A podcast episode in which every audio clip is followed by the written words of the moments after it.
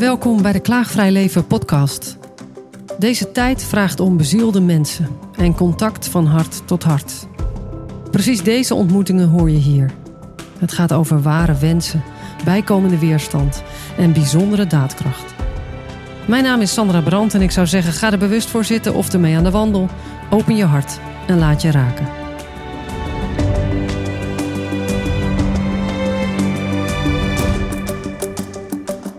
Dat doen?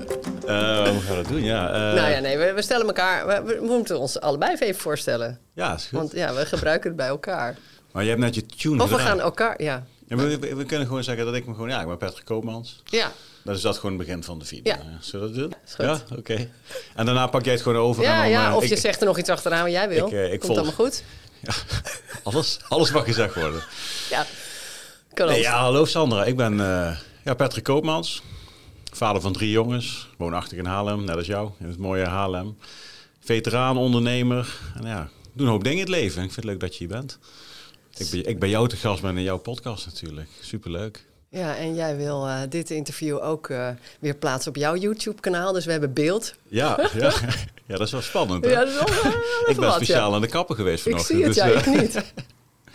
ja, Ja. leuk dat je, ja, dat je me de kans geeft om in jouw podcast te zijn, Sander. Ja, en dank je voor de uitnodiging op jouw fantastische plek. Want ik hoef er niets mee te nemen. De hele equipment staat al klaar. Want ook Ja. jij hebt een podcast. Dus nou, heerlijk. Ja, maar dan geeft mij wel een extra druk nu, dat het goed moet. Hè? Dus het is, eh, Ja, hou dat erin, die Ja. spanning, heel belangrijk. Ja, ik, ik, ik zit hier met een, eh, een boek van Wim Hof eh, op de tafel, die heb ik meegenomen.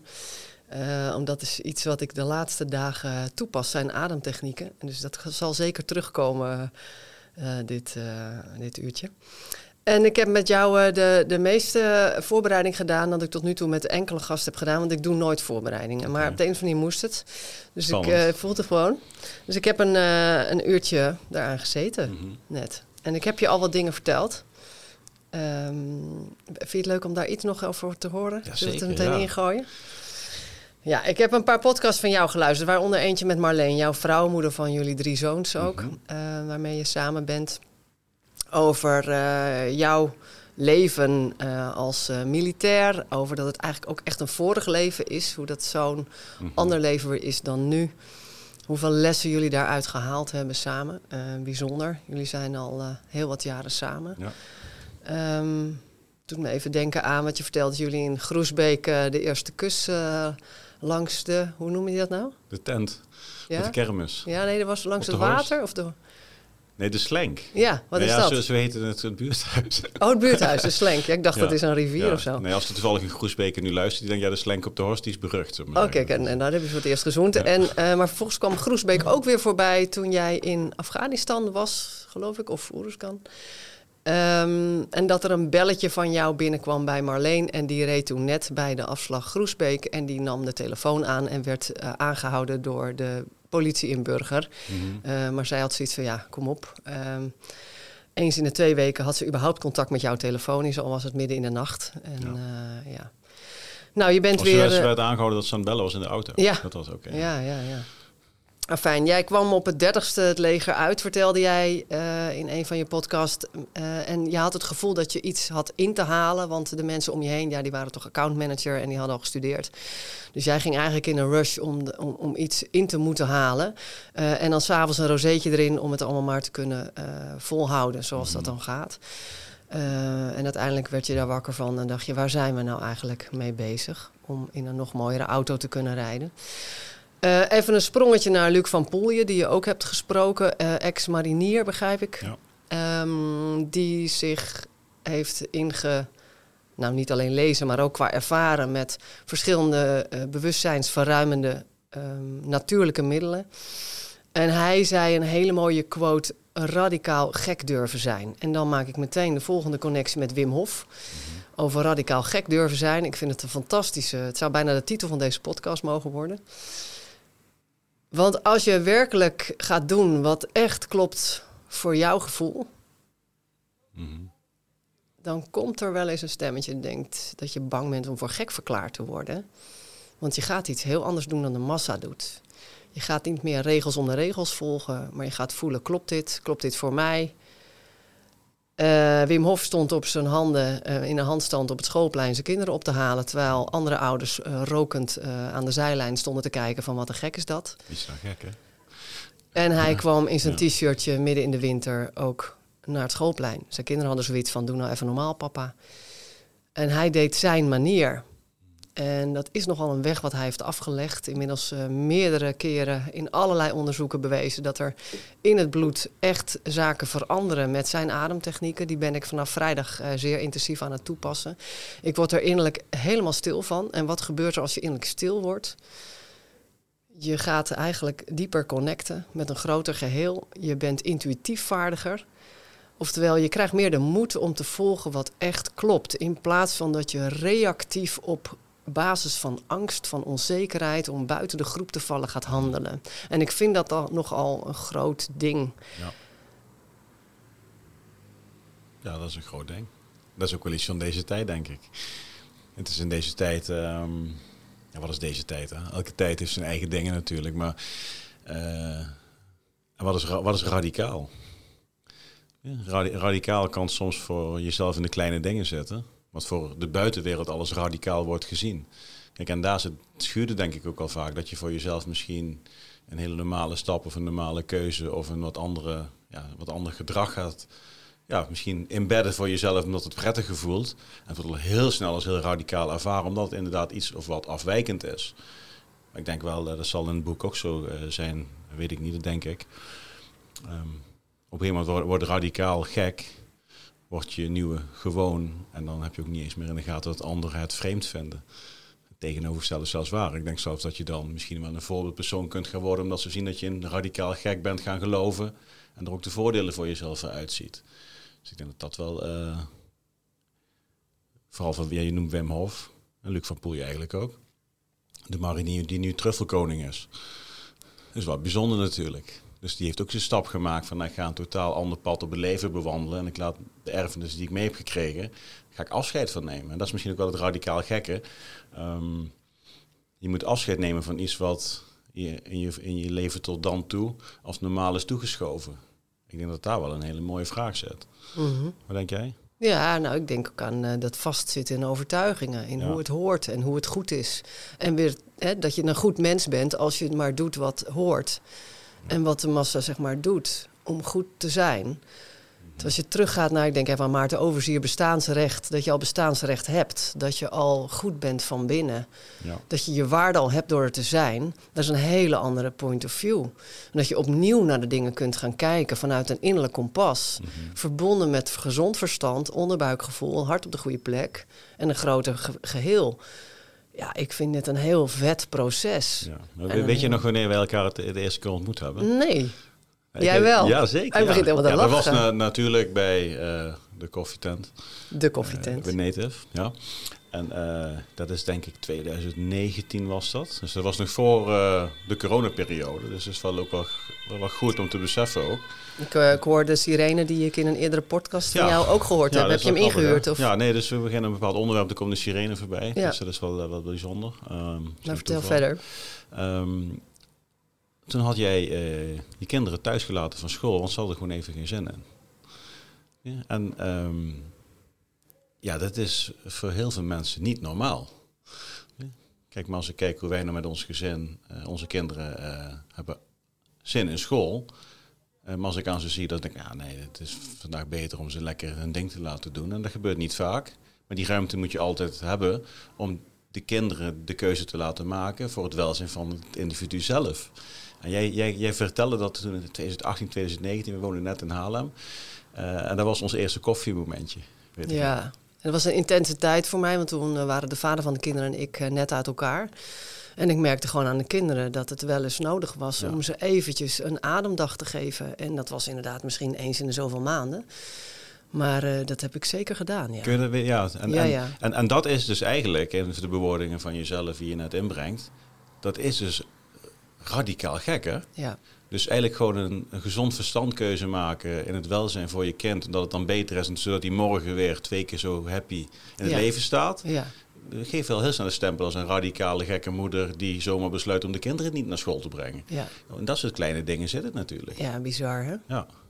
Kijk, en dat was ons eerste momentje dat we elkaar ontmoet hebben. Nou, Ja. dat jij dat nog weet, Ja, joh. dat weet ik nog. Dus het heeft wel impact op mij gemaakt dat ik eh, omringd was met mensen. Want we kwamen natuurlijk van de Milsbeek naar Haarlem. Ja, dat, dat vond ik wel heel verhelderend. Ik vond het heel mooi. Oh, dat kan ook dus. Dat kan. Oh, wat interessant. Ja, Dus in plaats van veroordelen, denk ik, oh, wat, wat, wat, wat interessant. Dat dat ook een manier is. ja. Ja, dan mag je er niets mee doen of niets mee doen natuurlijk.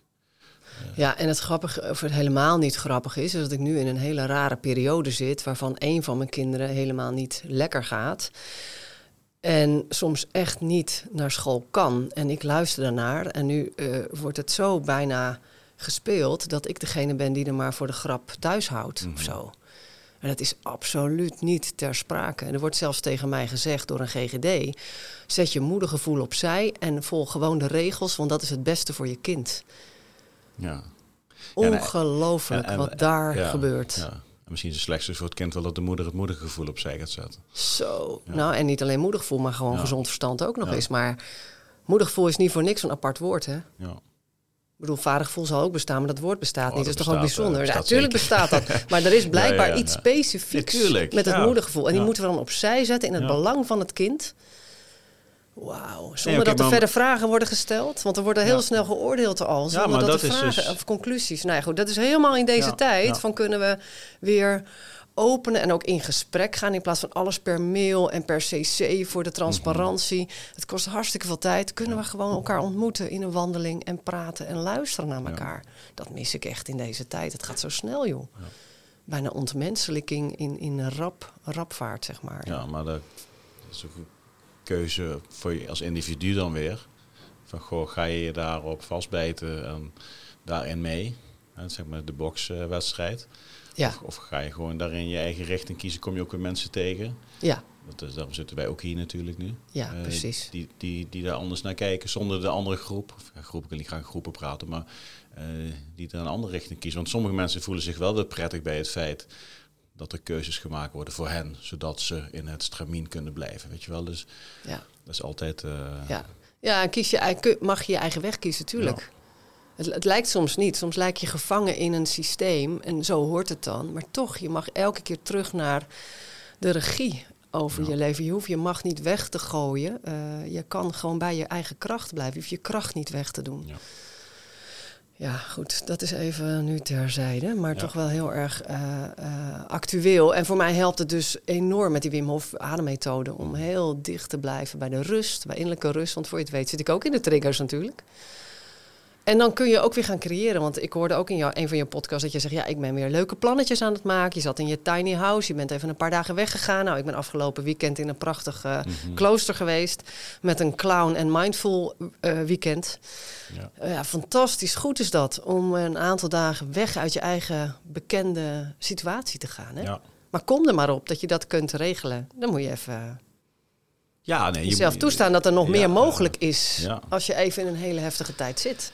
Ja, nee, ik, eh, ik, ik denk dat je mijn laatste podcastje bedoelt wat ik zelf had opgenomen. En, eh en, en was op de Veluwe. Eh, ik, vind, ik, vind, ik, ben, ik ben van bos. En ik, ik water bos. Ik vind het fantastisch. Ik ga er ook heel goed op. Hoe noordelijker, hoe beter. Daarom trekken we ook vaak naar Zweden toe. Geef mij een meer met bos ergens in Zweden en je ziet mij niet meer terug bij spreken. Ehm, maar dat is wel belangrijk. En ik doe dat eigenlijk al toen ik eh, in 2007 terugkwam uit Afghanistan. Heftige tijd gehad, daar heel veel meegemaakt. eh, ben ik heel veel gaan wandelen. Dus ik kwam thuis, ik ging wandelen. Gewoon wandelen. Langs de spoorlijn van Groesbeek naar Molenhoek. eh, via Malden weer terug. bij Heumensoord. mensen kennen het gebied misschien wel. Ja, fantastisch. Ik werd daar rustig van. Ik vond dat fijn. Ik, kreeg, ik werd positief. Dus ik ben heel rustig na die uitzending weer mijn gewone leven ingehobbeld. Totdat de inland race kwam, eh, wat je net zei. Ehm, Met de rosé. met de rosé en met eh, alle dingen erop en eraan. Ehm, maar ik ga sinds 2015, denk ik.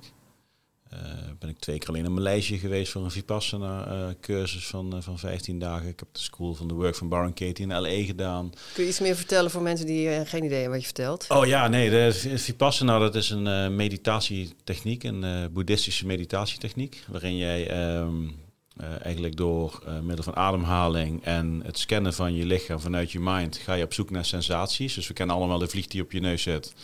Nou, die zitten helemaal niet, maar je denkt dat. Maar dat zijn energieën die uit je lichaam poppen. Nou, met Vipassana ga je dus 16 uur per dag mediteren. Uh, 10 dagen lang. 16 uur per dag? 16 uur per dag. Ja, op uh, citroen, op water en uh, rijst, zeg maar. Dus dat eerste drie dagen is een hel. De vierde en de vijfde dag denk je van, oké, ik, ik, ik, trek het wel. En vanaf dag 6 tot 10 ga je echt naar een hogere staat van zijn.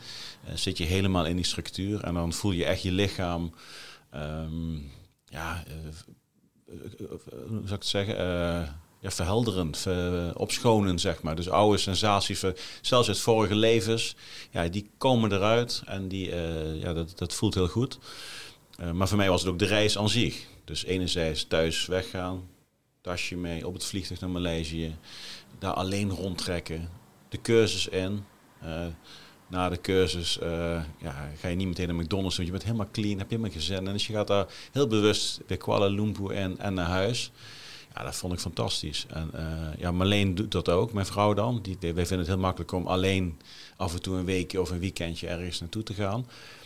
Ja, ik denk dat het essentieel is voor de mens zijn om af en toe gewoon echt me-time te hebben. Kijk, en het is ook heel belangrijk voor mensen die veel alleen zijn, dat ze juist ook mensen opzoeken. Dus het is altijd een wisselwerking, denk ik. Um, maar even uit je dagelijkse structuur, uit je dagelijkse plek, de vaste, vaste dingen die je altijd zo eenmaal doet. Ja, en hoeft, kijk, we hebben het nu over Vipassana, is allemaal, eh, dat is allemaal next level, dat snap ik allemaal wel. Maar je zat ook op de Veluwe in je ja, tiny house. Ik, ik ga dan naar booking.com en dan kijk is er reis een huisje vrij. En dan voor 99 euro drie dagen. Ik pak een ticket in de daluren en voor 150 euro en boodschappen bij de Albert Heijn ben je drie dagen op een lekker plekje. Uh, met mooie wandelroutes. En, en ook een bank en een laptop waar je eventjes een, je boek kunt gaan lezen, gaan schrijven. En daar poppen dan. Ik, ik merk aan mezelf, dan poppen er de dingen op. Want je geeft gewoon je, je, ja, je, je, je moet jezelf in een omgeving zetten waar ook de ruimte is om dingen naar boven te laten komen. En dat is niet uh, hier op straat, dat is ook niet in het park, dat is niet op school, dat is ook niet bij de kinderen. Dat is even een plekje zoeken voor jezelf, bewust. En uh, ja, soms kost het moeite om de concentratie ook te vinden, om daadwerkelijk er iets uit te halen. Dat is dan ook weer je ego, oh, je bent drie dagen weg, je hebt niks gedaan. Dus dat, dat moet je ook los proberen te laten. Maar dat is wel heel prettig. Dat is heel lekker. Nou, wat je zegt, dan poppen er dingen op. Ja. moet denken aan een eh, quote van, ik weet niet van wie. Maar zet jezelf in een omgeving waar groei onvermijdelijk is. Ja. Nou is dat continu natuurlijk. En je hoeft niet altijd maar te focussen op dat je moet groeien, vind ik ook zo'n ding. Maar ja, zo even een paar dagen eruit. Ja, maar dan zeg ik een omgeving waar... waar je, dingen op, dat is fijn. Stel, stel eens aan iemand de vraag van... Goh, in, in welke omgeving gedij jij het beste? Mm. Nou, ik, ja, ik weet dat voor mezelf. Ik weet, nou zet mij op zo'n plek neer... Dan ben, ik, dan ben ik chill, weet je wel. Dat, zowel uh, uh, proactief als in de rust staat, dan maakt allemaal niks uit. Ik weet waar ik als mens zijn, als persoon zijn, dan ga je eerst eens voor jezelf de vraag stellen van, goh, waar gedij jij het beste? Oké, en als je die vraag beantwoord hebt, hoeveel tijd per jaar breng je daar dan ook door? Mm. Ja, dan zul je zien dat heel veel mensen nog niet de vraag beantwoord hebben of gesteld hebben. Uh, nou oké, begin daar eens mee. Uh, en dan ook, hoe kan ik dan van mezelf zorgen dat ik dan vaker daar mag zijn? Nou, en twee dingen poppen mij op. Als je vraagt waar gedij het best, dan is het voor mij thuis in een soort strikt ritueel. Van s morgens uh, vroeg uh, die ademrondes, dan naar buiten met een fles koud water, koude douche. Ja. En dan een rondje hardlopen. En dan zijn we binnen 20 minuten klaar met dit hele rondje. En dan start ik en dan ga ik s'avonds om 9 uur slapen. Dat, daar gedij ik het beste. Ik hou mijn huis schoon. Gewoon heel simpel. Ik vind het fijn de was op te vouwen als de kinderen thuis zijn. Ja. er gewoon te zijn voor ze, vers te koken uh, bedjes weer rechtgetrokken. Gewoon heel, echt heel klein en elke dag hetzelfde. Daar gedij ik heel erg goed op. Ja. Um, en daarnaast wel af en toe eruit. Zoals bij dat klooster driedaagse met die clowns uh, mindfulness weekend. Veel gelachen, veel in het hier en nu. Maar ook echt helemaal weg. En dan toch merken hoeveel kracht er eigenlijk in je zit. Hoeveel mogelijkheden je nog hebt. En dan ook weer dat voelen borrelen dat je weer wat nieuws wil creëren. Want dat willen we toch allemaal. Uiteindelijk zijn we hier om te creëren, om iets bij te dragen. Al is het heel klein dat je iemand op straat merkt... hé, hey, eh, die kan even wat hulp gebruiken, whatever. Uh, dus, uh, en ook het toch wel willen leren grenzen verleggen. Of een, niet per se dat je over je grens moet gaan, maar wel dat je een kracht wil vinden in jou, mhm. die toch weer verder reikt dan je dacht dat er was. Dus dat ik weer ga hardlopen een stukje, dat is alweer heel wat, weet je wel? Of dat ik toch weer start met die koude fles. En dan toch ook weer in het dagelijks leven dingen doen die ik eerst wel spannend vond, maar die wel kloppen. Uh, dus, dus het is wat, waar gedij het beste bij is structuur, rust en regelmaat voor mij. En daarnaast ook uitstapjes en kijken of ik die grens kan verleggen, uh, grotere krachten kan aanbrengen. Er is namelijk nog veel meer in ons waarvoor we hier zijn. Ik wil nog meer bewustzijnsverruimende ervaringen hebben. En dan eigenlijk zonder, want ik heb nooit allerlei middelen gebruikt vanuit de natuur niet of whatever niet. Uh, maar alleen al met adem of, of dat soort zaken. dus ja, waar gedij het beste mee? Is ook krachten aanboren. Ja, precies. Maar ik denk wel dat je, uh, als ik dan van mezelf, kijk, ik, ik ben niet iemand die alleen maar graag alleen in een tiny house zit. Ik gedij het beste met mijn kids en thuis en het levensritme noem ik het maar eventjes. En in Zweden. En in Zweden, maar goed, uh, vind ik ook met de jongens, met mijn kids, met Marleen. Dus, uh, dus je hebt denk ik je levensritme. Ja. Nou, dat, dat, mag, dat, gaat, dat geeft je vorm.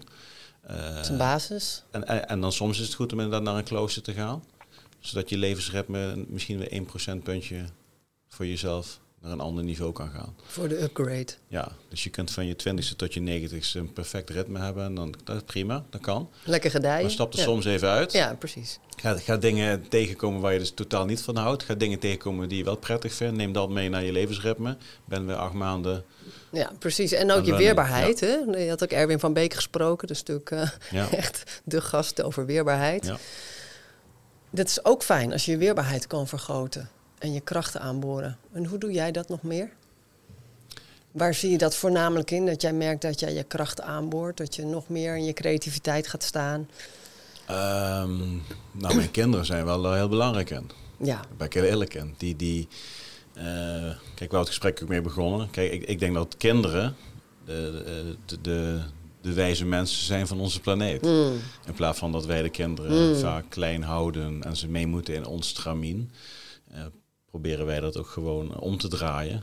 Uh, dus ik denk dat zij die goede vragen stellen bij ons in huis. Uh, zijn helder, hè? Zij zijn de spiegel. Zij, zij, als ik iets op mijn website heb gebouwd, laat ik het mijn kinderen zien. En die geven de goede feedback. Ik denk van dit klopt, weet je wel. Kijk, dus ze zetten je aan het denken, ze zetten je. Uh, Um, ze, ze, kunnen je uh, oordeelloos confronteren uh, met iets wat je zelf misschien al wist, maar nog niet durfde te benoemen of durfde mm te zien. Kijk, en um, dat is voor mij wel heel belangrijk. Kijk, weerbaarheid, kijk, je noemt Erwin van Beek. Kijk, weerbaarheid is, hoeft niet altijd iets fysieks te zijn. Integendeel zelfs. Ik denk dat weerbaarheid juist is van hoe ga je in je hoofd om met alles wat er in de wereld gebeurt. we hebben nu, ja, de hele wereld heeft oorlog. Mhm. kun je denken. Um, ja, ik stel, is dat zo? Hoe ga je daarmee om? Uh, we hebben de coronatijd gehad. Nou, uh, kun je honderd dingen over zeggen, maar daar kun je ook met twee brillen naar kijken. Dus ik denk dat het altijd weer de keuze is van goh, welke bril zet je op? Hoe kijk je naar jouw eigen werkelijkheid? Hoe resoneert dat met je gevoel en hoe, hoe, heb je een prettig leven? Nou, ik denk als je dat kunt, dat is voor mij dan weerbaarheid. Mm Kijk, en uh, omringen met, de juist, met, met voor mij de juiste mensen is daar wel heel belangrijk in. Mm zeker. Ik noem mijn kinderen, maar goed, ik, ik, ik, ik ben ook totaal andere mensen gaan ontmoeten de afgelopen vijf tot tien jaar sinds ik het leger uit ben. Mm -hmm. uh, ik post nog wel eens wat op LinkedIn. Uh, wat ik ook zei voor de uitzending, nou, er hangen hier ook nog steeds heel veel dingen vanuit mijn defensietijd, Sandra. Ja, ik merk dat ik daar langzaam aan afstand van aan het nemen ben. Wat je ook zei in het vorig leven. Um, ik schrijf en denk nu ook hele andere dingen dan dat ik 20 of 15 jaar terug deed. Uh, maar even op LinkedIn, mijn netwerk bestaat nog steeds van een heel groot deel uit mensen die defensie gerelateerd zijn. Ja, die hebben daar een mening over en die reageren daar ook op. Nou, ja, nee, is, ja dat, ik zou bijna zeggen, is dat zo? Maar dat zie jij. Maar ik bedoel, daar zitten toch ook mensen bij die dat ook alweer een vorig leven nee, is? Nee, natuurlijk. Nee, natuurlijk. Nee, maar je ziet, je ziet de... de uh, even wat, wat ik, wat, het mm. punt wat ik wil maken. Uh, vijf jaar terug gaf mij dat een nagevoel. Ah, zo. En nu is dat prima. Ja, ik, dat is die bril. Ik, ik, herken dat, weet je wel. Mm. Ik herken dat. Kijk, dus ik, soms schrijf ik een stukje en dan begint iemand, uh, geeft een reactie. En ik vind het lang mooi dat mensen reacties geven. Dus blijf dat vooral doen. Hartstikke leuk. Het is alleen maar mooi. De goede, positieve communicatie is alleen maar leuk. Maar dan, dan, dan zie je dat, ja, je zoomt nu in op het conflict. Wat ik bedoel is, afgelopen honderd jaar. dus dat is prima, weet je wel. Kijk, dus je moet soms een wereld uitstappen uh, om weer nieuwe mensen te ontmoeten. Mhm. En die nieuwe mensen die geven jou weer een andere kijk op de wereld. En dan mag je iets meer doen of niet iets meer doen. Maar ik denk juist dat kunnen, En dat proberen, en we zi- we zijn er nog lang niet. Dat is voor mij wel. Nou, en daar zelf actieve stappen in zetten ook om nieuwe mensen te ontmoeten. Ja, maar mensen komen ook op je pad. Ja, Dus mensen komen naar je toe. eh, eh, dus, dus weerbaarheid zorgt ervoor. eh, ben in beweging. Ben in actie. eh, ben proactief voor jezelf. Ja. eh, ben aardig. Weet je wel, eh, Nou, en het is ook leiderschap versus klagen. Ik ben natuurlijk zelf, hè, omdat het, hè, dit filmpje komt ook bij jou op YouTube. Ja. Mensen die mij niet kennen. Ik ben dan de auteur van het boek Klaagvrije Maandag. En die komt voort uit vier jaar onderzoek naar de vraag... wat komt er voor klagen in de plaats? Mhm. Ook in gedachten. En dat gaat heel diep. Het is niet zomaar even nu eh, allemaal eh, te bespreken. Maar het, het, je kan in het slachtofferschap zijn of je eh, voelen dat je kleiner wordt en dat het je allemaal overkomt. En dat is ook zo. Mhm. En daarnaast wordt het tijd om ook dat erkenning in jezelf te geven en ook weer te gaan staan voor wat je wel nodig hebt. Ja. In behoeftes jezelf te voorzien.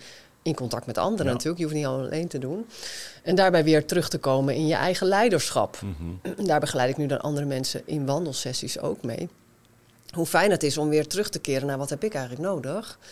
En dat is toch uiteindelijk dient het altijd weer het grotere geheel. Het is nooit een egoïstisch alleen maar voor jezelf verhaal. Ook dat kloostergebeuren, ik word daar zo rustig van.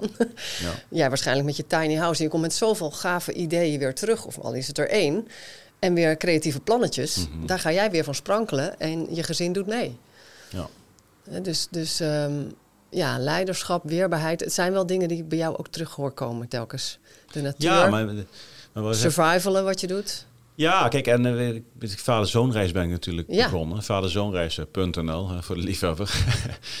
Ook soms voor ouders trouwens. Ehm, eh, kijk, eh, voor mij, ga, eh, kijk, alles wat ik zeg is natuurlijk vanuit mezelf. Ik kan natuurlijk niet voor anderen spreken, absoluut niet. Eh, voor mezelf, ehm, kijk, leiderschap is voor mij persoonlijk leiderschap. Dat betekent dus dat ik mezelf steeds beter leer kennen. Want als ik mezelf goed ken, Je? Dan eh, kan ik eh, omgaan met eh, alle weerstanden? Weer, weerbaarheid, weerstanden die om mij heen gebeuren. Of dat nou oorlog is, corona is, ruzie met de buurvrouw, whatever. Een school die zegt je kind moet naar school of niet moet naar school. Hoe ga ik daarmee om? Ik kan daar beter mee omgaan, constructiever voor mezelf, maar ook voor de ander, om tot een goede oplossing te komen, als ik mezelf beter ken. En erkennen ook. Ja, dus ja, wie moet eerst, ja, dus erkennen en kennen. Dus je moet eerst gaan zoeken, daarna ga je, het, je moet iets gaan erkennen en daarna, eh, je, je, weet, je, je gaat je systeem ontdekken, zo moet je het eigenlijk zien. En ook je waarde daarin, hè? Ja, daar komen waarden bij. Intentie, dat woord hebben we natuurlijk voor de uitzending eh, ook met elkaar gedeeld. Ja. Kijk, dus met welke intentie doe jij dit ding? Waarom waar doe jij je de dingen iedere dag eh, die je zegt leuk te vinden? Maar wat, wat zit daar nog dieper achter? Kijk, Mm. als je daar alleen al die vraag aan jezelf stelt en je gaat daar ook iets van antwoorden op vinden, dan, dan kom je in het pad dat je steeds meer in balans komt met wie je echt, eh, wie je echt bent. Is ook zo, dat is- Nou ja, waar sta je voor en waar ga je voor? ja, maar dan is het niet als een, als een, een drive naar anderen toe, maar dan zit het heel dicht bij jezelf. Dat Kijk, bedoel en- ik, ja. Kijk, en als jij de dingen doet die heel dicht bij jezelf zit, zo dicht mogelijk, want en, en het is onbewust, maar dan ga je ook merken dat je veel makkelijker verbinding en verbondenheid kunt creëren met andere mensen. En dan begint het lijden van anderen pas. En dat is wel iets wat ik vanuit het leger ontdekt heb. Leiderschap bij Defensie eh, gaat heel erg over lijden van anderen. Het leiding geven aan jezelf, ja, dat was een minuscule factor. Dat was toch iets wat je overkwam allemaal. En ja, als je geluk had dat je goed thuis vond, dan kon je goede gesprekken voeren en dan werd je een rijker persoon. En ik kon het weer meenemen in mijn leiderschap eh, tijdens de uitzending of andere operaties. Ehm, in het bedrijfsleven kwam ik het weer tegen. Ja, leiding als teamleider. Dus je moest zorgen dat iedereen op tijd was en dit en dat. Ja, maar hoe ben jij als mens eigenlijk? Ken je jezelf als mens al? Kijk, en dat is wat natuurlijk met Six Star Leadership. Ja, je noemt net... ehm, Dat is jouw bedrijf, Six Ja, Star Leadership. Six Star Leadership. Dat is ook, eh, ik heb de twee dingen. Six Star Leadership is eigenlijk de B2B-tak voor leiderschap en teamperformance. En vader-zoonreis is, is heel grappig. Dus eigenlijk, ehm, ik zie er nou dat jij half in beeld zit. Dus je moet een beetje die kant Oh. ja, Zon als ik... eh Ehm, ehm, vader-zoon is, is eigenlijk ontstaan van... ehm, ik was met leiderschap bezig, persoonlijk leiderschap. Weet je, als je jezelf steeds beter leert kennen Mhm. en de ander, ja, dan kun je overstijgende resultaten halen. En ik, en ik ben overtuigd van als je een groep mensen bij elkaar zet, waar eerst iedereen zichzelf beter leert kennen en van daaruit open staat om anderen beter te leren kennen, heb je vanuit nature een veel beter fundament. Zeker. En betere waarden. samenwerking. Gezamenlijke waarden gebaseerd op je eigen waarden. Dus nooit nou jij stapt nu in dat bedrijf, dus jij moet aan die waarden voldoen. Nee, welke waarden heb jij? Oké, passen die waarden in de waarden van het grotere geheel? Exact, ja. Kijk, en dat is uh, voor mij dan de Six Star Leadership, zesde ster, overstijgend, grensverleggend wat je zegt. Alleen toen vroeg Marlene op een gegeven moment, wat vind je dan eigenlijk het allerleukste om te doen? Ik ja, ik ga met mijn jongens heel vaak uh, het bos in. Of naar de Ardennen, of naar Zweden, of wat dan ook. Ja, het liefst zou ik dat doen. Want eigenlijk is het de, de dingen die ik met mijn kinderen bespreek en doe, dat is eigenlijk de 2.0 variant, wat wij denken dat we in de grote mensenwereld op leiderschap aan het doen zijn. Dus de, de verbinding tussen vader en kind, die gesprekken, op gelijkwaardigheid. Uh, dus niet van ik ben vader en ik wil ze een leuk weekend geven. Nee, ik wil een weekend weg ook, zodat ik mezelf beter leer kennen met mijn zoon. Dat mijn zoon mij beter leert kennen. Al zijn ze zes of zeven jaar oud, dan maakt niks uit. Dat lijkt me wel gaaf om te gaan doen. Kijk, en zo is dus eigenlijk Sixer Leadership en vader-zoon reis. Eigenlijk kan het bijna in elkaar vallen wat, betreft de dingen die we met elkaar zouden moeten bespreken. Alleen, de leiders van de uh, volwassen wereld noem ik het eventjes, ja, die gaan heel snel richting rationeel. Gaat er over, uh, ja, we, moeten nog waarden bespreken. Of nee, en kinderen zijn heel puur. Die zijn, ze krijgen bij mij bijvoorbeeld vader-zoon kaartjes. En ja, daar zijn dan vragen op. Wat is de droom van papa die hij nog nooit tegen mij heeft verteld? Dat soort vraagjes krijgen ze dus. Dus dan creëer je dus een situatie waarin zoon van 10, zoon van 9, zoon van 16 met zijn vader een wandeling moet gaan lopen. En op een bepaald coördinaat met kompas, een stukje survival erbij, moeten ze daar gaan zitten. En dan moeten ze dat kaartje pakken en dan, moeten ze dat, dan, gaan, ze dat gesprek, dan gaan ze dat gesprekje voeren. Ja, dat zijn de gesprekken die we als mensen allemaal zouden moeten voeren. Hey, wat, droom, wat, wat zijn jouw dromen? Ja. Wat, wat vind jij mooi om in het leven nog te realiseren? Mm. Je noemt het woord creëren, weet je wel. Wat, wat heb je het afgelopen eh, jaar gecreëerd? Heb je, waar je ook nog steeds veel meer mee wil gaan doen de rest van je leven? Ja, dat zijn de hele mooie gesprekjes. Ja. Ja, die we ook denk ik als volwassenen veel meer mogen gaan voeren. Ja, dit is het mogen dromen, uh, plannetjes maken, uh, daar weer contact mee maken. Ja. Uh, tussen, tussen ouder en kind. Ik moet meteen denken aan de zomervakantie waarin ik de kinderen twee weken achter elkaar had. Ja. en dat er in mijn tuinhuisje deden dat. was net die mooie periode qua weer. Ook het water op met subs en zo. En gewoon buiten afwassen. Ja, ik kan daar alleen nog van genieten. Dat ik dan buiten op zo'n kar met een sherrycan in de avond. Ja, af te wassen terwijl de kinderen dan aan het kuppen zijn of aan het badmintonnen. Maar wat ik daar merkte was dat er opeens een heel natuurlijke um, vibe ontstond. Waarin ik verhalen van vroeger ging vertellen. En dat viel mij op omdat dat er eigenlijk nooit van komt. Ja. We zijn altijd maar bezig met gewoon te doen wat er nog moet gebeuren. En hup, weer dit en weer dat. Ehm, maar je komt eigenlijk niet toe aan het hele basale, natuurlijke. Ouders en ouderen horen verhalen te vertellen. Ja. Je hebt het dan over hè, je dromen en je wensen uitspreken. Dat is dan toekomst, zeg maar, als het bestaat überhaupt. Het bestaat alleen maar nu. Maar daarnaast ook uh, is er nog ruimte überhaupt om gewoon vanuit de ontspanning met elkaar... Mm tot de verhalen te komen van toen ik een klein meisje was, eh, bijvoorbeeld, of vader een kleine jongen. Ja. Dat is zo belangrijk. Het lijkt er wel helemaal uitgepoetst te worden bijna. Mooi wat jij ook vertelt. Ja. Ik zit te denken, die, die mensen waar jij dan uh, binnen het bedrijfsleven leiding aan zou moeten geven, die zou je dus eigenlijk eerst allemaal wensen, überhaupt dat ze een zoon hebben natuurlijk, dat uh, ten eerste. En dat ze dan daarmee allemaal naar de vader-zoonreis gaan, want dan komen ze helemaal diep tot zichzelf en daarna weer terug in het team. Wat zou er dan gebeuren? Ja.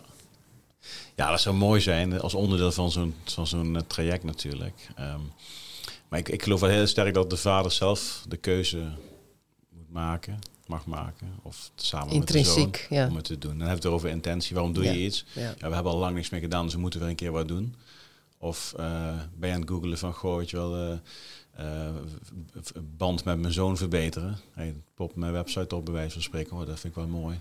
Je wel, dat is wel een keer wat anders dan een vlot bouwen in de Ardennen. want ik, ik, spreek ook wel eens mensen van, ja, ja lijkt me interessant. Wat is dat dan precies? Vader zo is. Ja, dan gaan we dan ook. De, ja, bij ons het verbinding tussen vader en zoon is, is wel het centrale onderwerp. Dus Mooi, uh, je, je, geniet van samen het tentje opzetten. En een van de activiteiten is dus ook gewoon samen in dat tentje gaan slapen. Dat is niet een noodzakelijk kwaad wat je moet doen tijdens een weekend. Nee, dat is iets wat je heel intens mag gaan beleven. Uh, en ga eens opschrijven wat de dingen zijn die je dan tijdens die nacht allemaal in je hoofd hebt gehad. Tijdens die overnachting met je zoontje in dat tentje. Kijk, en uh, ja, dat is iets heel anders dan tegen een uh, verticale wand aanklemmen met touwen en stoere dingen doen. Doen we ook wel natuurlijk, maar niet in die intensiteit. Het gaat juist heel adrenaline naar beneden. Daar staat een boomstam. Je, hebt een, je gaat gelijk, lekker iets zitten, ja. En voor de rest, dat zijn jullie. Ja, lekker zitten. En dan kijk maar wat er komt. En dan vraag je daarna van, goh, en hoe was het? Ja, echt heel bijzonder. Hoe zullen we vertellen? We doen al het kringgesprek. Maar, ja, wat hoor je dan zo wel terug? Nou, ik, uh, we kwamen er eigenlijk allebei achter dat we veel meer op elkaar leken dan dat we dachten. Terwijl we altijd uh, met elkaar ruzie hadden in huis en dat we juist heel verschillend waren. Nou, dit vinden we wel heel interessant om nog eens een keer samen verder over te gaan spreken met elkaar. Goh, ik wist helemaal niet uh, dat mijn vader destijds een andere vrouw heeft gehad. Ja, dat soort dingen komen er allemaal naar boven toe. Kijk, en um, ja, het zijn, het zijn, kijk, we kunnen het een geheim noemen. Uh, maar het zijn geen geheimen, het zijn dingen die nooit met elkaar, nooit gevraagd zijn misschien. Misschien is het geen geheim. Soms, soms praat je zelf niet meer over bepaalde dingen. Maar als iemand de vraag stelt, prima. Toen ik terugkwam uit Afghanistan, mensen ontweken soms dat onderwerp. Als iemand de vraag stelde, kregen ze van mij alles te horen wat ze maar wilden weten. Maar ik ga er niet zelf over praten. Kijk, dus dat zijn ook, um, we hadden net even uit je gestructureerde leven stappen. Uh, dat is goed voor jezelf, dan poppen de dingen op. Ja, dat kun je ook met z'n drieën doen natuurlijk met z'n vier of met z'n tweeën. Dan werkt dat ook, denk ik. ik mm -hmm. Ja, zeker. Ja, dit is wat jij aanbiedt. En dan ook ja. nog onder begeleiding met echt een diepere missie. Als je het dan over op missie gaan hebt. Ja, zeker. Kijk, een, kijk, je gaat vuur maken. Kijk, maar dan is het niet zozeer de, de techniek van het vuur. Maar dat is natuurlijk leuk, dat is gaaf. Ja, dat, dat, is, dat is ook leuk. Dat is ook mooi, interessant. En dan vuur maken. Maar wat, wat is vuur nou precies? En hoe wakker je het vuurtje aan in, je, in jullie gezamenlijke leven of je eigen leven? Dat zijn de jongens, vuur, wat betekent vuur voor jullie? Dus het is altijd een, een actie. Vuur maken, survival, boost. En ook een reflectiemoment. En, en, wat betekent vuur eigenlijk voor jullie? Ja, dan komen hele verschillende Mooi, man. Uh, dingen naar boven dan. En dat is denk ik de kracht van het leven dan ook. En, en uh, nou goed, je hebt het ook over radicaal gek. Dat, dat woord dat blijft dan ook wel hangen. Kijk, um, ja, ik denk dat een weekendje met je zoontje het bos in, is voor sommige mensen al, ja, is wel, apart. Hè? Hoezo zou je dat doen? Terwijl dat wel steeds meer normaal aan het worden is natuurlijk. Maar uh, je gaat toch niet uh, over, uh, ja, hoezo, over, je kunt toch beter dat gaan doen. Het is veel leuker, het is toch veel gaver om te gaan doen. Dus met je zoontje, of met je dochter, of met je whatever, tijd nemen om elkaar beter te leren kennen. Dat is al heel bijzonder. Ja, ik, jij vindt dat heel normaal, ik vind dat ook heel normaal. Maar dat, je moet je ook kwetsbaarheid laten zien. Dan je jezelf kwetsbaar opstellen naar een kind wie 10, 20 jaar jonger is als jou. Ja, dat is al best wel lastig. Nou ja, alleen al een lange autotocht maken van een enkele uren zonder beeldschermen in dat het donker. Ja. Dat is al een activiteit op zich. Ik kan het ja. iedereen aanraden. Ja, dat, dan is het met al, je kind of met je kinderen. Gewoon rond gaan rijden. Nou ja, dit was altijd dan wel een doel. Ik ging dan naar de uh, Landgraaf, naar die snowboard. Uh, mm -hmm. uh, dat was vorig jaar januari met mijn oudste zoon. Ja. In het donker, zonder beeldscherm. En weten natuurlijk dat je ook een paar nachten met elkaar gaat besteden en tijd echt met elkaar gaat hebben. Dus dat die tijd ook nog zal, hè, dat het nog verder zal zijn. Mm -hmm. En dat heb ik dus afgelopen maand weer gedaan. dan naar een andere plek bij Gorsel in uh, Steoké. Ja. Dat heet dan een wikkelhuisje. Dat is uh, geperst karton, echt heel leuk. Tiny huisje ook in het bos. Ook een aanrader, eigenlijk zonder plan verder. Ja. Het, is, het is even spannend vanaf het begin. Er komt van alles door je hoofd van... oh jee, vindt, vindt hij het dan wel leuk? Of, uh, maar gewoon dat loslaten en dan inderdaad gewoon over de landweg samenlopen. Of uh, hij mocht even sturen terwijl hij naast me zat met de auto op zo'n dood landweggetje, ja, weet je wel. Hij is bijna 15. En schakelen tussendoor. En ik heb hem gewoon heel scherp gehouden op mijn rempedaal en uh, mijn hand bij het stuur in de buurt. Maar dat was gewoon fantastisch. Dat soort stomme kleine dingen. Of gisteren met mijn dochter. Ja, uh, die voelde zich niet lekker om ook maar iets te doen. Ik zeg, ga anders even achter op de fiets. Dan mag jij zeggen links of rechts. Nou, ze vond het fantastisch. We hebben gewoon een hele tocht gemaakt door het bos. En eh, ja, als zij niks zei, ging ik rechtdoor. en, eh, tot we ergens tegen een hek aankwamen Je bijna. moet nu wel een keer links of rechts ja, maar ze eh, zit nu al te wachten tot de volgende keer dat we dat weer gaan doen. Ja, ja. Zulke simpele kleine dingen, maar daar kom je alleen op als je helemaal stil wordt van binnen. Want als je dat niet bent, dan denk je dat je de hele tijd van dopamine shot naar dopamine shot moet. Dat je naar de klimhal moet inderdaad. Of naar weer een andere indoor trampolinehal om, om het maar leuk te maken. Terwijl als je helemaal stil bent in jezelf, het enige wat je nodig hebt inderdaad is misschien wel natuur. Of op de bank. Nou ja, zoiets simpels als was opvouwen. En dan komen er opeens gesprekken of een hoofd op je schoot. En, eh, en dat is echt genoeg op dat Ja. moment. Ja. En dat is zo rijk. Ja, Stapje terugzetten is soms heel goed. zo dan hè. En dan terug met eh, de positieve zin. Dus Nou, en ook ja. terug wat Marleen aan jou vroeg, wat wil je nou eigenlijk echt? En dat je dan ook een stap terug doet. En even Ja. contact maakt van wat wil ik nou eigenlijk echt? Wat, wat, waar bloei ik nou van op? En dat is met je kinderen naar Zweden gaan. Mhm. En, en dan ga je dat doen. En nou heb je zo de eh, vaderzoonreis.nl. Ja. En schrijven mensen zich in voor zeer waardevolle, life-changing eh, eh, weken. ja, dat is heel mooi. Dat is toch? Ja, kijk, en kijk, ja, kijk, de, de- de, eh, het woord weerbaarheid, die vraag die blijft wel een beetje bij me hangen, wie je net stelde. Ehm, ik heb natuurlijk een defensieachtergrond. Kijk, en dan is weerbaarheid. dat had laatst ook weer iemand, eh, ja, angst is een emotie, kun je uitzetten. En eh, dus die reageerde positief op iets wat ik geschreven had. Ja, wel, angst is een emotie, zoals velen, en die mag er gewoon zijn. Ju- juist, eh, de wijze hoe je met angst omgaat, kan soms een keuze zijn. Ja, maar het wegduwen, dat is, dat is wel een beetje de militaire weerbaarheid. Ja, en eh er zal, er zal nou ja, dat is allemaal veranderd, allemaal dit. Ja, dat geloof ik best. Kijk, maar als jij een week lang in het bos in moet, dan hebben we geen zin in gezegd dat mensen het koud hebben, punt. Of als je honger hebt, punt. Weet je wel? Dat heeft allemaal geen zin. We hebben niks aan. Die moet wel een beetje weer, weerbaar zijn. Kijk, terwijl ik denk, de, de woord weerbaar eh, zit voor mij veel meer echt hier.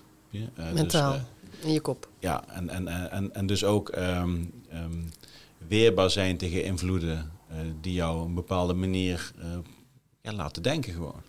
Kijk, eh, kijk ehm, Ja, ja, weerbaar is in eerste instantie komt in mij op dat je ergens tegenin moet. Of dat je het opzij moet zetten. Wat jij nu ook al een beetje eh, ja, met, over angst. Terwijl het ook wel meer is eh, juist krachten aanboren die je al in je hebt. ja, dat is het denk ik, ja. Kijk, en, en fy- fysiek gezond zijn is heel belangrijk. Want ik denk als je fysiek gezond bent, dan eh, ben je ook wat frisser in je hoofd. Zeker. Laat je het hele systeem beter draaien. Tegelijkertijd, eh, je, je moet fris in je hoofd zijn om fysiek gezond Ja. te zijn. Ik denk, Ja. ik denk dat het eerder op die manier ook gaat. Kijk, ben jij in je hoofd niet lekker, kun je nog zo'n grote sterke bodybuilder zijn.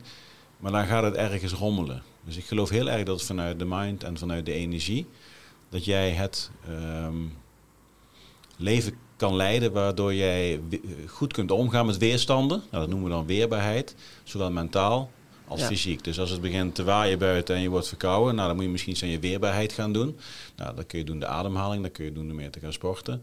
Ehm, tegelijkertijd zeg ik ook van, nou, op het moment dat jij eh, steeds in conflict komt met andere mensen, omdat zij een mening hebben over jou, Ja, dan mag je ook iets aan je mentale weerbaarheid gaan doen. Dus hoe, dat komt bij jou binnen. Jij voelt je daarnaar om.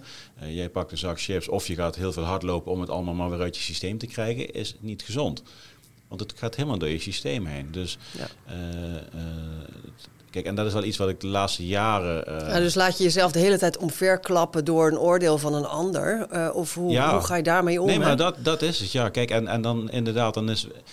Kijk, en ik, ja, ik laat die periode liefst achter me, maar hij is heel waardevol geweest. Kijk, ik, ik heb, de coronaperiode is heel waardevol geweest. Omdat je, of je nou links of rechts koos doet, nee, maakt mij even niet uit. Je had altijd mensen om je heen die een hele scherpe andere mening hadden. Wel of niet. Ja, dus we waren allemaal omringd met mensen die een hele andere mening hadden. Nou, ik heb die periode wel echt voor mezelf eh, eh, als ik het mogen gebruiken om mezelf beter te leren kennen, waar we het net over hadden.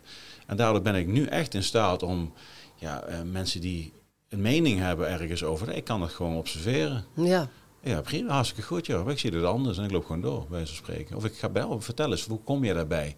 En dan kan iemand het uitleggen en dan is het klaar, weet je wel. ja, ik kan wel makkelijker luisteren inderdaad naar mensen met andere meningen sindsdien. Dus ik, kan, Ja, alleen maar- ik, ik, ik ja. ben minder snel eh, dat ik dan de deur dicht doe. En dat ik dan... hmm, gewoon toch blijft luisteren met open hart. Dat is wel nieuw. Ja, en, maar, Ja. en ik denk dat dat voor, voor heel veel mensen op dit moment eh, geldt. En, en, en eh, ja, goed, dus de weerstand zal naar een hoger niveau gaan. Want de mensen die eh, ja, daar moeite mee hebben. Ja, ik wil mensen niet gaan beoordelen wat het ook een hokje is, maar iedereen heeft zijn eigen tempo en zijn eigen pad. Dat is ook een beetje de polarisatie die we zien. Kijk, we zien mensen, hebben, ik bedoel, ik ben in Afghanistan geweest en twee keer in Bosnië.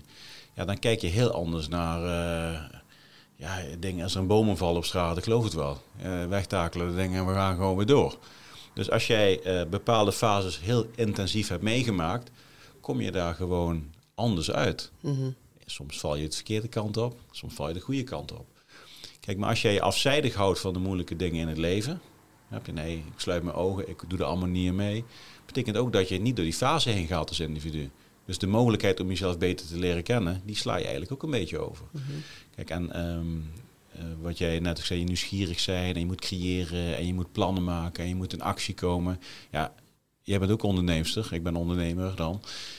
Ja, 100% dat je tegen dingen aan gaat lopen waar je 9 van de 10 keer ook in het begin even de deksel op de neus krijgt. Nou, zeker zodra je je nek uitsteekt of hoge bomen wordt, Voor jezelf. ga je gang. Je steekt je nek uit voor jezelf, want jij wil zelf iets gaan creëren. Ja, er zijn er Of je altijd steekt je nek uit voor je kinderen. Ja, oké, maar in in de basis het dan ook voor jezelf. Ja. Kijk, want ik, ik krijg een nagevoel als mijn kinderen bij wijze van spreken daar eh, negatief bejegend worden. Ja, precies. En ik wil dat mijn gevoel in eerste instantie weg is, dus ik ga hun probleem oplossen. Maar in principe komt het vanuit je eigen systeem. Kijk, en eh, eh, door... eh, ja, toen ik in het leger ben, ik wilde die race gaan doen. Dus ik zag allemaal lui met auto's en allemaal eh, bonussen en allemaal dit en allemaal dat. Dus ik ben daar vol voor gegaan. Maar ik, ik merkte ook aan mezelf van ja, Patrick, eh, eh, je bent een rol aan het spelen nu. Je bent weer een rol aan het spelen. Ik was de militair. Nu was ik zogenaamd de business guy met een militaire achtergrond. Weet je wel? Dat was een beetje mijn, mijn gevoel ook. Ik was op een gegeven moment acht jaar het leger uit. Nog steeds werd ik de militair genoemd. Ik denk van ja, wat is dit? Dus ik was totaal eigenlijk uit balans. Veel zweetbuien. Ja, ook wel kort reageren op heel veel dingen. Kijk, en op een gegeven moment kom je er ook achter van ja, Patrick, je mag ook gewoon jezelf gaan zijn. Maar voordat je daar bent... Hoe oud was je toen? 40? Nou, iets jonger denk ik. Weet je, eh, ja, ik denk 8, 39 jaar ongeveer. Ja, dat was een beetje de leeftijd. En, ehm, Zo dan, hè? ja, maar dan, dan, dan, en dan Dat is zo je... herkenbaar voor velen. Voor Ja, mij ook, hè? Dus ik ben toen ook, ik heb het bedrijfsleven in de vorm van, eh, ik, eh, ik ben onderdeel van een plan van iemand anders. Ga je jezelf eens de vraag stellen, maar wat wil ik nou eigenlijk zelf de komende 40 jaar gaan doen? En, en wat voor bijdrage ga je dan leveren aan de wereld, hè? Ja, als je echt vanuit want als ik een leuk-. Als ik een leuke persoon ben voor mezelf, ben ik het ook voor een ander. Ben ik een leukere vader, ben ik een leukere man. Ja, maar kijk nou wat voor waarde jij levert met je vader-zoon reizen dan. Ja, maar dat is daaruit, Dat is dus heel vanuit die diepe connectie met jou. ontstaan. Ja. Dat is daaruit ja, ontstaan. met alle ervaring die je hebt, omdat je ook wel dat pad hebt gevolgd Ja. natuurlijk. Ja, De Door- massa volgend. door weerstand. Ja, dus, dus, dus, Ja. Dus dat, dat die, je hebt die weerstand dus ook gewoon nodig. Kijk, me- ehm, Onder diamant te worden. ja, diamant. ja, weet ik veel. ja, maar als, als zonder Maar weerstand... die wordt toch ook mooi onder druk? Ja, ja, ja, onder druk wordt alles vloeibaar. Nee, maar een diamant is een steen die natuurlijk onder druk heeft gestaan. Miljoenen jaren. Ik denk, gooi er even iets in. Ja, Ja, nee, heel metafoor. goed. Nee. Dat is een mooie titel voor de podcast. Onder druk wordt alles vloeibaar. nee, maar het is wel denk ik een... ehm, de weerstand die we dan in het leven tegenkomen... zorgt er uiteindelijk wel voor... dat, je een, een verfijnder persoon kunt gaan worden voor jezelf. Mhm. Alleen je moet het wel ook eh, durven voelen en durven ervaren. Ja. Kijk, en met, met vaders proberen we dat natuurlijk voor de vaders te doen. Maar ik denk dat we vooral ons eigen leven daarin eh, leidend zijn. Ja. Ben jij een leuk mens, Sandra, dan hebben we ook een leuk gesprek. Zit hier tegenover me als een of andere Akela, dan wordt het ook niks. Ja. Dus het is altijd een Ja, vind je het wel leuk, dit gesprek? Ja, zeker, ja. ja. Ja, heel leuk, ja. Ja. Ik vind het altijd leuk als ik je tegenkom in de stad. Ja, Ja, je hebt wat van die pret oogjes Ja. dan. ja, het komt omdat je dicht bij jezelf bent, denk ja. ik. Ja, nee, je vrouw nee. ook. Ja, nou, ja. Ik moet denken aan de podcast eh, hiervoor met Roland McCratey. Ja. Eh, hij is eh, onderzoeker eh, op het gebied van het hart. Ehm, en hij zegt ook, zodra die ontkoppeling er weer is met het hart, dan, ehm, dus vanuit, als we vooral vanuit angst in de wereld staan, dan gaan we splitsen. Dus dan eh, zijn we voor of tegen. eh, dan krijg je die hele dualiteit waar we nu telkens mee te maken hebben. Maar zodra we weer, eh, ja, hij noemt het coherent, dus coherent raken met het hart, weer verbonden. Die afstand van hoofd naar hart weer gemaakt hebben, dan, en de ademhaling daar ook bij, dan wordt alles weer één geheel.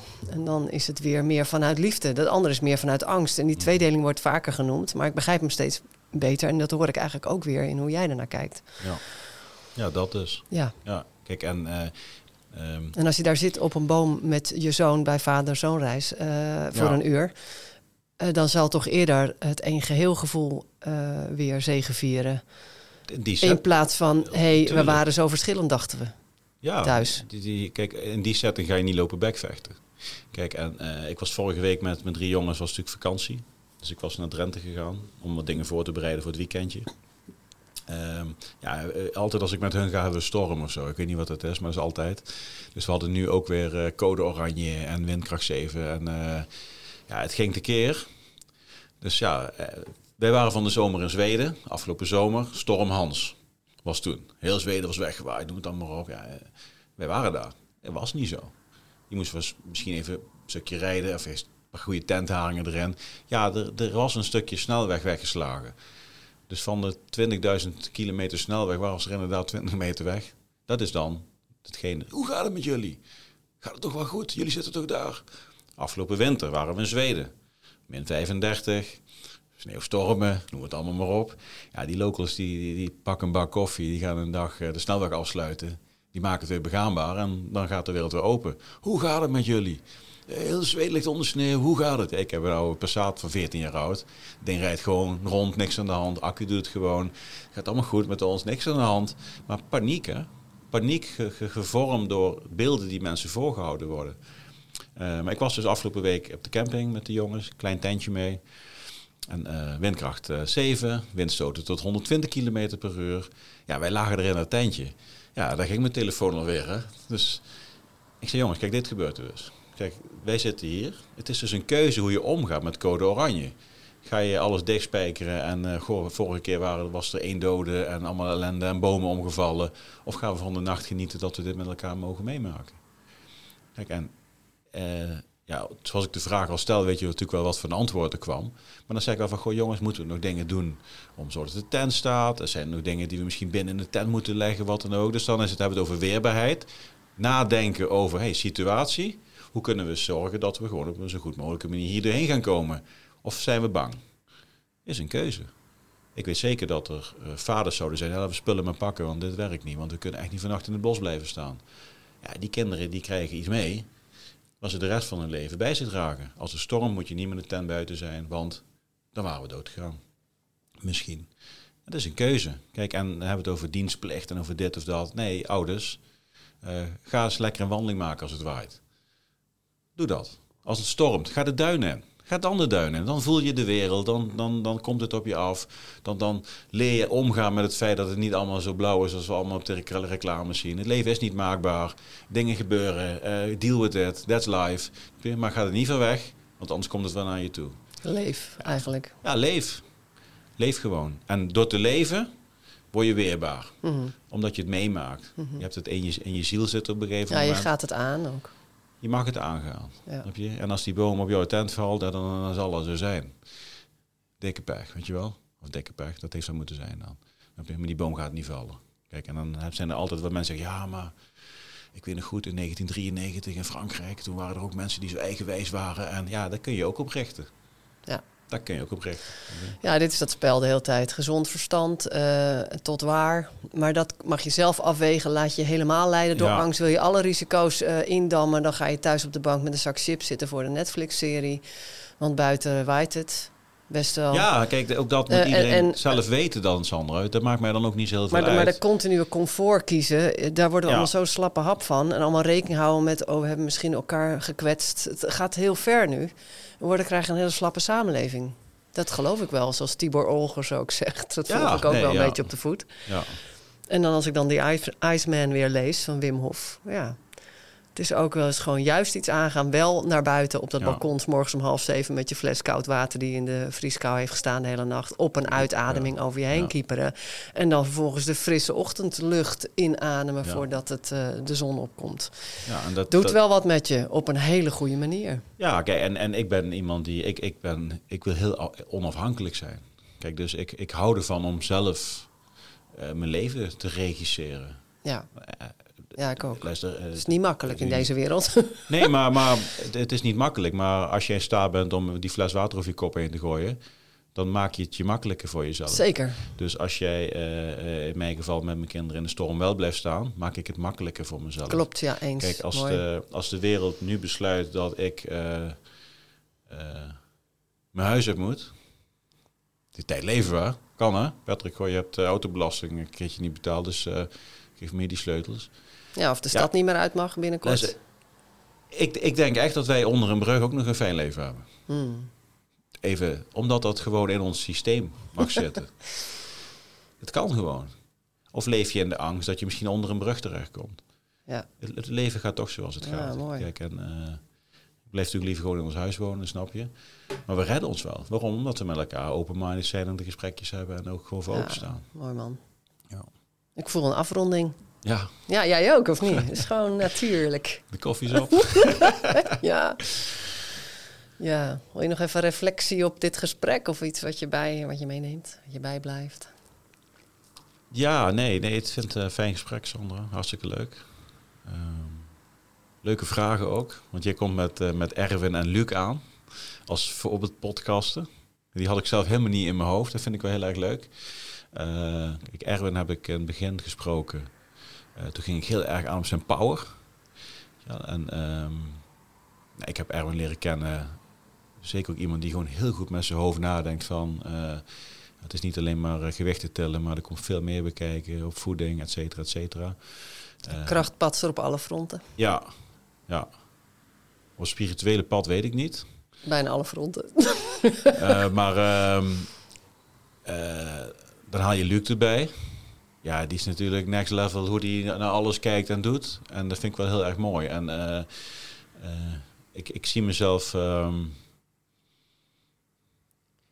ja, het is een mooi pad, Sandra. En je zet met weerbaarheid en dat soort dingen allemaal. En eh, ik denk vooral kinderen. We hebben natuurlijk het begin het voorbeeld genoemd van je, van je eigen kids, zeg maar. Ja, ik geloof dat kinderen bij ons in de wereld op één mogen staan. Voor, voor mij mogen de kinderen gaan stemmen en wij moeten maar gewoon volgen. Want daar zit het verstand. Ik geloof niet in gezond verstand, want dat betekent ook dat er ongezond verstand is. Maar daar zit wel, denk ik, de wijsheid waarin de keuzes gemaakt mogen worden om als aarde of als community eh, de juiste eh, keuzes te maken. En, eh, dat is heel fijn, dankjewel. Radicaal anders mogen zijn. Ja, en dat is dus een radicaal andere keus. Dus anticyclisch leiderschap is dus ook de regie geven aan de mensen met de meeste wijsheid in plaats van met de meeste macht. En dat zijn misschien wel de jongeren op deze aarde. Mooi. Want, eh, ja, Ja. Dankjewel. dankjewel.